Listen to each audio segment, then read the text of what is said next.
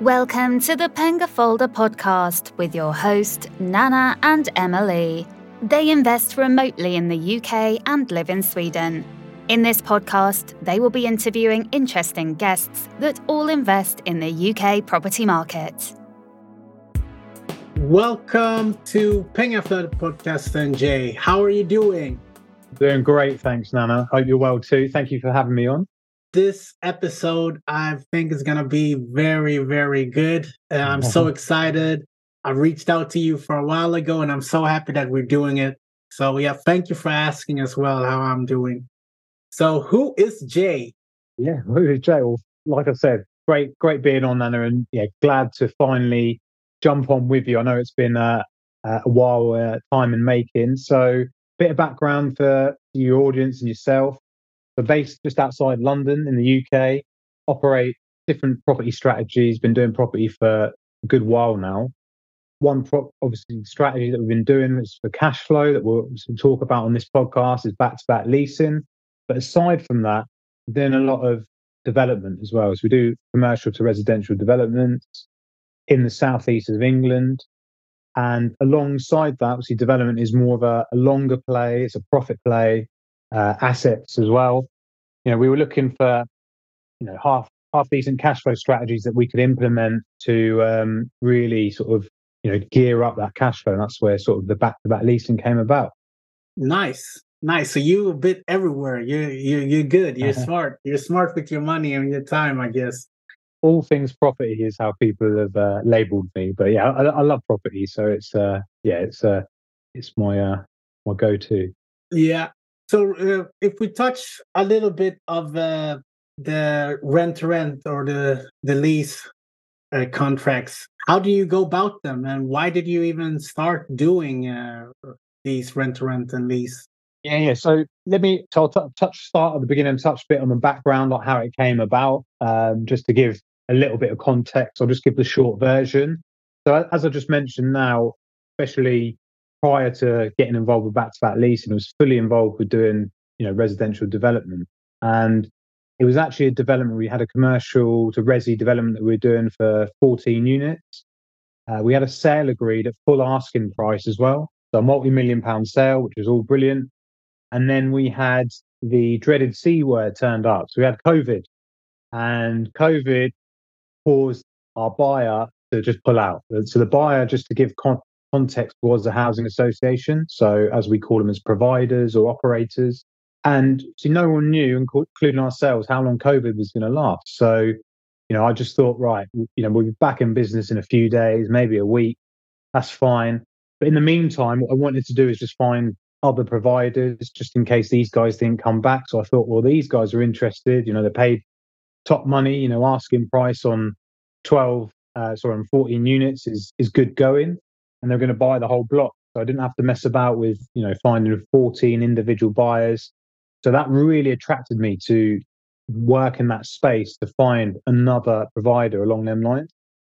So I kind of say COVID was obviously a blessing and a curse, right? Because I lost a buyer for the full block, but at the same time, you know, it gave me the pandemic gave me this opportunity because that's where when I was doing the research, we came across some operators that were looking for you know long leases. And during that time i'm sure you know you could probably relate you know we had loads of empty houses for some clients that we worked with in our hmo uh, management agency that were just telling us look we've got empty properties. And it was actually from that that the back-to-back leasing was sort of born if you like. And our first client was a student uh, landlord. He ended up giving us six houses um, straight away. So we had 30 empty rooms. And that's where we put it together with the provider, housing association. And that's where our first sort of back to back leasing sort of contracts started materializing. Wow. Okay. Very like you mentioned, a blessing in the in disguise. a blessing and a curse, yeah. Um, do you want me to go on about I think you mentioned as well, you want me to outline a bit about the contracts as well? Yeah, yeah, yeah, yeah. Yes, please. Yeah, so I'm just trying to make it really simple because some people do get it, some people don't. So as I mentioned, you know, you, would effectively take a lease on a property that you know you don't own. So whether like that example, the student landlord, that that would be one. You'd then find an operator who is a third party. So they'd want to lease that building from you. You're sitting in the middle. So you have a lease with the landlord and you've got a lease with the operator. So their lease, you're leasing it to them. And that's where essentially why we call it a back to back lease. We put those two leases together. Both parties are happy. You're giving one what they want, the other what they want. You're sitting in the middle controlling it, and then you have your, your margin in the middle. Smart, smart. so uh, yeah, I'm just blown uh, by how, how you do it, uh, etc. and if we just go forward, because a lot of people just do like the normal rent to rent, you know, the yeah. they do the service accommodation or HMO or uh, uh etc. Um, what do you think in this market? Is that something you do, or have you done it, or have you just left it out and just yeah concentrating on these back to back leases? Yeah, so yeah, I mean it's a great question because there's no denying right now the rents are going through the roof, right? And that, that's where it comes down to like, you know, our target audience. So we're not looking for and we don't target landlords who've got, you know, what we call A grade stock. So, you know, like there's all en suite, like, you know, newly done, like really fresh. You know, they're the things that you want to consider is that we're looking for what I'd call experienced landlords, but they've got the sort of B C grade stock, you know. So they're typically your landlords or the avatar that we call them. They've been in the game for a while. You know, they've made their money out of the property. They've got the assets, so they made it. And they're coming back around to come back round. Sorry, to get back to that A grade spot, they're going to need to spend 20, 30, 50,000 pounds per property. And they just don't want to do that to bring it back up to the market. You know, they're happy to have um, a constant, secure regular income. They understand their property is not going to command those high premiums. So they're who we tend to work with. And it works well because the properties work well. You know, they're fully functional. They're just not that A grade stock. And that's perfect for the operators that we work with. So again, it's sort of matchmaking in property, if you like. Yeah. And do like, do you foresee any refurb or anything, or is the operator who's doing all of this stuff? Yeah. So again, great, great question. So with these refurbs, I'd say the main thing is it's all about compliance. So where some properties might need compliance upgrades, and what I mean by that, that might be uh, potentially some fire doors, you know, the smoke alarms in the UK recommended in, interlinked smoke alarms, whether it's HMOs or a family unit. So it's just putting those upgrades in, and then typically because the leases are anywhere from three to seven years. You know, we, if needed, we do a light refurb. And by a light refurb, I mean paint it throughout. You know, add new carpets. But that that's about where it stops. You know, we wouldn't go in and start spending money on new kitchens and things like that, which I know I've seen certain SA operators and certain rent to renters do. Which you know, you know, I'm not trying to not not the uh, not the strategy, but I think with this, it's you know that, that's another another bonus here. You know, you can get in with as we call it minimal capital, but really high cash flows on some of these deals. So basically, like let's say a deal that you've done, that how much did you put in basically, and how much did you get each month? Like just like an, yeah. an example, a case study.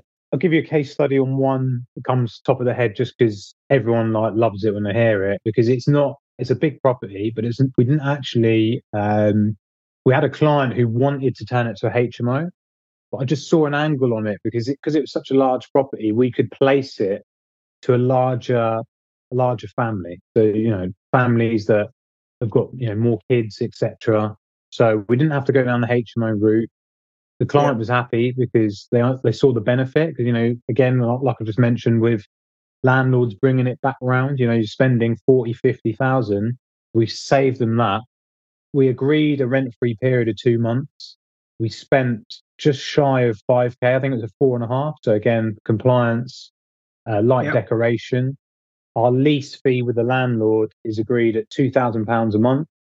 Our yep. lease with our operator is 3800 So that gives a margin there of 1800 per month. We've wow. got that for five years, so 60 months. So if you do the maths, and I hope I've got this right, your viewers might correct me. I think it works out 108,000 over the yeah. five years. Wow. And you don't stay. They pay for the bills. This family, right, yeah. or the operator, or whatever. Yeah. So let me just go into like you know the real benefits for us and what hopefully again your val- your uh, audience might see the value. So you know the best way I compare it is your normal rent to rent, right? So if you've got a six bed property, typically you'd need let's just say six bed HMO, you'd want you'd need to go out and find six tenants. So number one, you don't do that. You're dealing with one entity, one company, tenant management, filling in the rooms, etc. That's their issue. And like you rightly mentioned, also is bills, which, as you know, bills is through the roof. We're only just coming into winter now, so it's still, believe it or not, the sun is shining still in England, but not for much longer. And when that kicks in, when the cold kicks in, you know, the bills will rise. Again, that's the beauty of, of that is that we don't pay any of the bills. So they pay the bills, they deal with the tenants, they deal with the voids, they deal with internal maintenance. Um, you know, we we really do have uh, quite a limited remit, so it, it works well from that perspective. Wow. Okay, that's that's amazing. So basically, this is really uh, like a hands-off investment, or how how would you say it? Or do you need to like have a uh, not relationship, but you know, uh, call with the agent or the entity that you mentioned? Like, do yeah. you have like monthly call with them or whatever, or is it yeah, so you know? So yeah, so you know, it's about this. You know, I, I think in property, people are looking for that passive income. You know, it's not it's not passive as per se, that you know, I have done rent to rent as well previously, and I can obviously could just compare it based on my experience, it's a lot, lot more passive than, rent to rent. You know, the the calls that we have come up where there might be some issues with what is under our remit. And under our remit might be uh, heating, hot water. You know, so it's it's quite simple. Then that we've got a system where we can just send out an engineer to go and have a look at it, and then anything external, which you know, anything to do with the roof, you know, that, that sort of thing. But uh, for us, that's minimal. You know, I don't think we've ever had a call out for anything external over. We're coming up to uh, two and a half years, nearly three years now, and we haven't had anything from that. So it's a lot more passive, um, and it can be, you know, that also o- opens up the doors to then manage it remotely.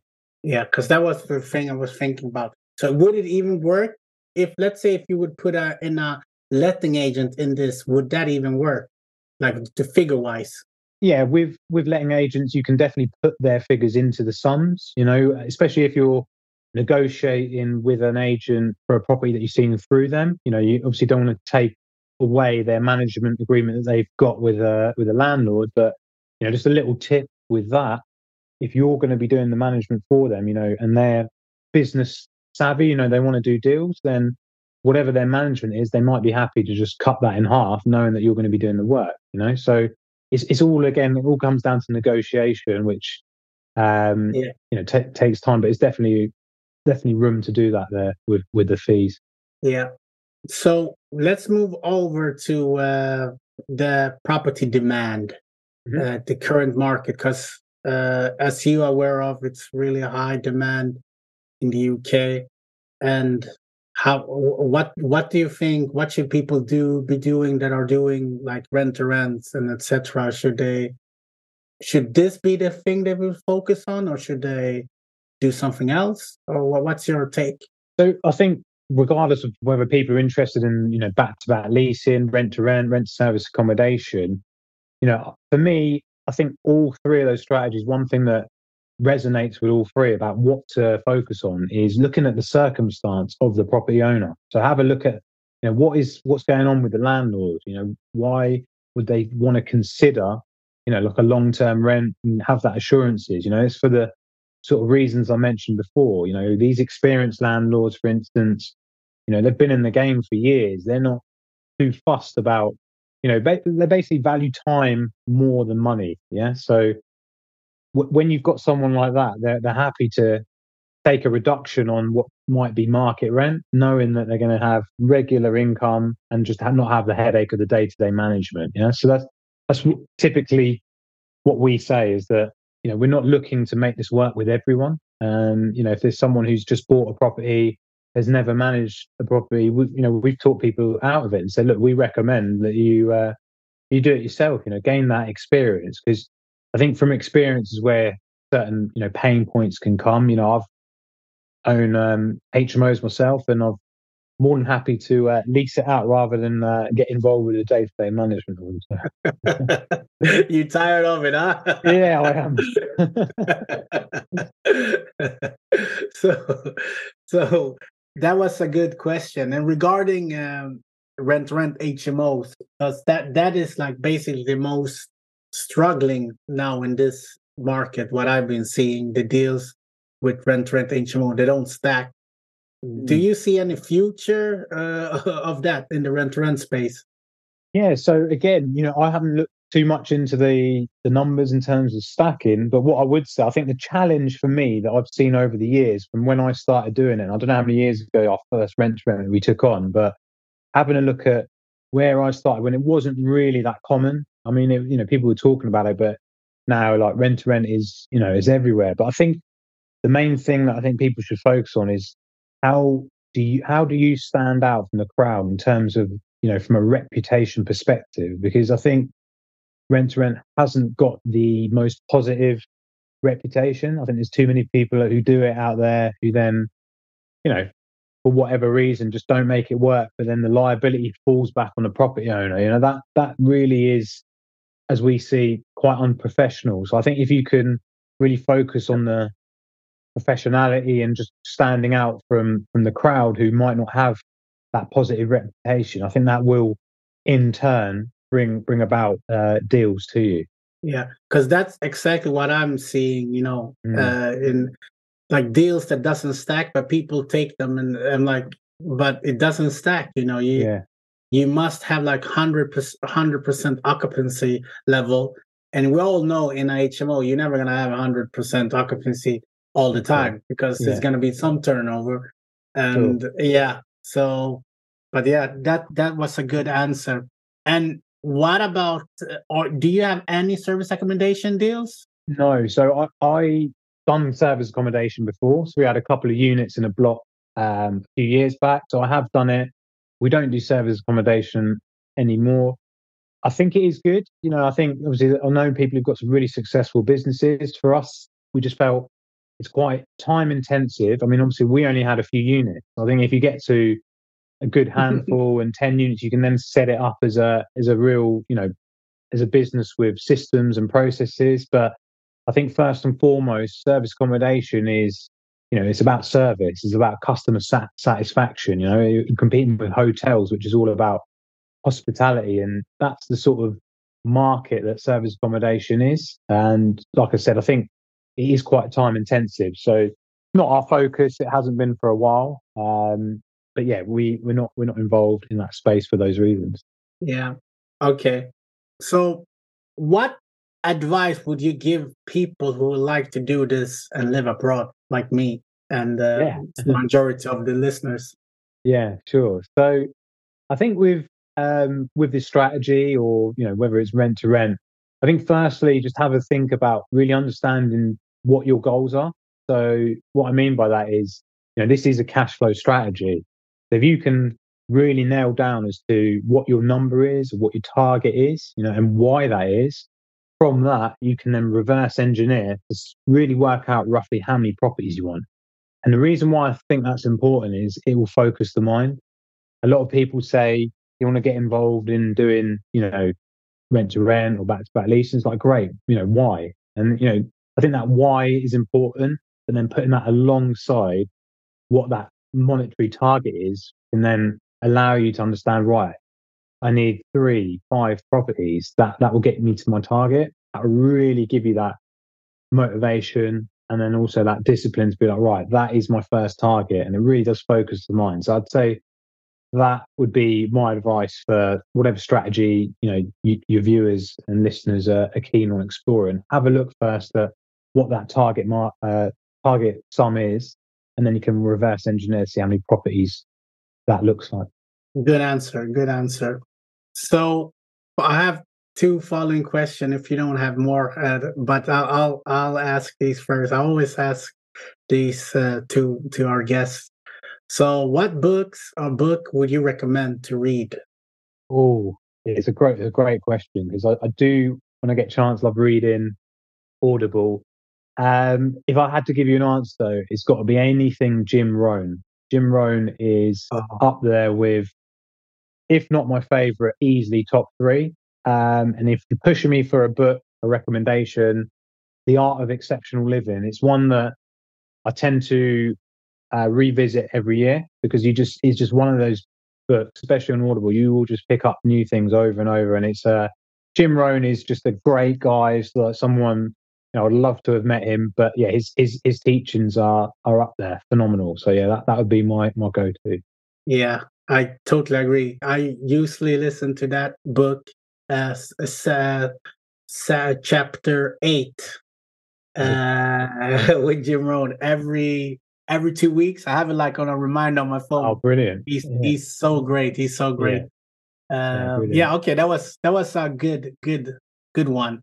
For you, I think you're the first who have said Jim Rohn because usually people say like Tony Robbins. I'm like Jim Rohn was his mentor, and exactly, yeah, exactly. Jim, yeah, yeah. Jim Rohn is like yeah, I like Jim Rohn more, but yeah, Tony Robbins is good as well. But yeah, uh, if you had unlimited funds, who would you like to have as a mentor?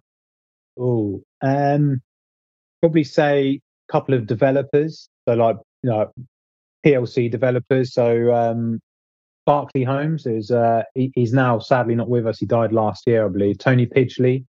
I'd like to um, spend some time with him, some mentoring from him. I think it would be brilliant to understand from a standing start how he grew what is probably the biggest development company in the UK, Berkeley Homes, is like, you know, how he his his story and how he got there would be brilliant.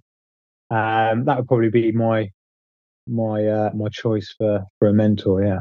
Yeah. That's some uh, that's some big players. okay, so final words. What do you do you have anything you want to add before uh you drop your details and people can reach out to you? Yeah, so I think with any property strategy, including back-to-back leasing, just remember, you know, slow and steady wins the race. You, this is you. You won't be an overnight success, you know, in terms of finding suitable properties and operators. I mean, you might, you know, some of your viewers might turn around you and say they've done it, which is great. But I'd say take the advice of, you know, understanding that slow and steady wins the race. You know, if you've got the perseverance, you stay consistent with your actions, you know, you will achieve what you set to accomplish. But treat it as though it's not going to happen overnight. Yeah, that was some great final words. I'm so delighted that you took your time and answered all of these questions. And uh, what are your details if people want to reach out to you? And uh, yeah, maybe if they can try to reach out. yeah, so so I'll uh, I'll send you details if you want to put in the show notes. But it is uh, if people want to find out more about back to back leasing on um, Facebook, back to back leasing, Instagram, back to back leasing. I'll also drop the URL, but it is back to back leasing.co.uk. And then I'll also put my personal um, socials in the show notes, but it is literally just my name, and they should be able to to find me online. Yes, great. So that people, that has been Jay. Do I say correct? Chauhan. Yeah, Jay Shahan, That's it. Yeah. Ah, Jay Chauhan. See, I can. I know. I know. and I'm Vinana, and this is Pengafed podcast then. Don't be stressed, invest people.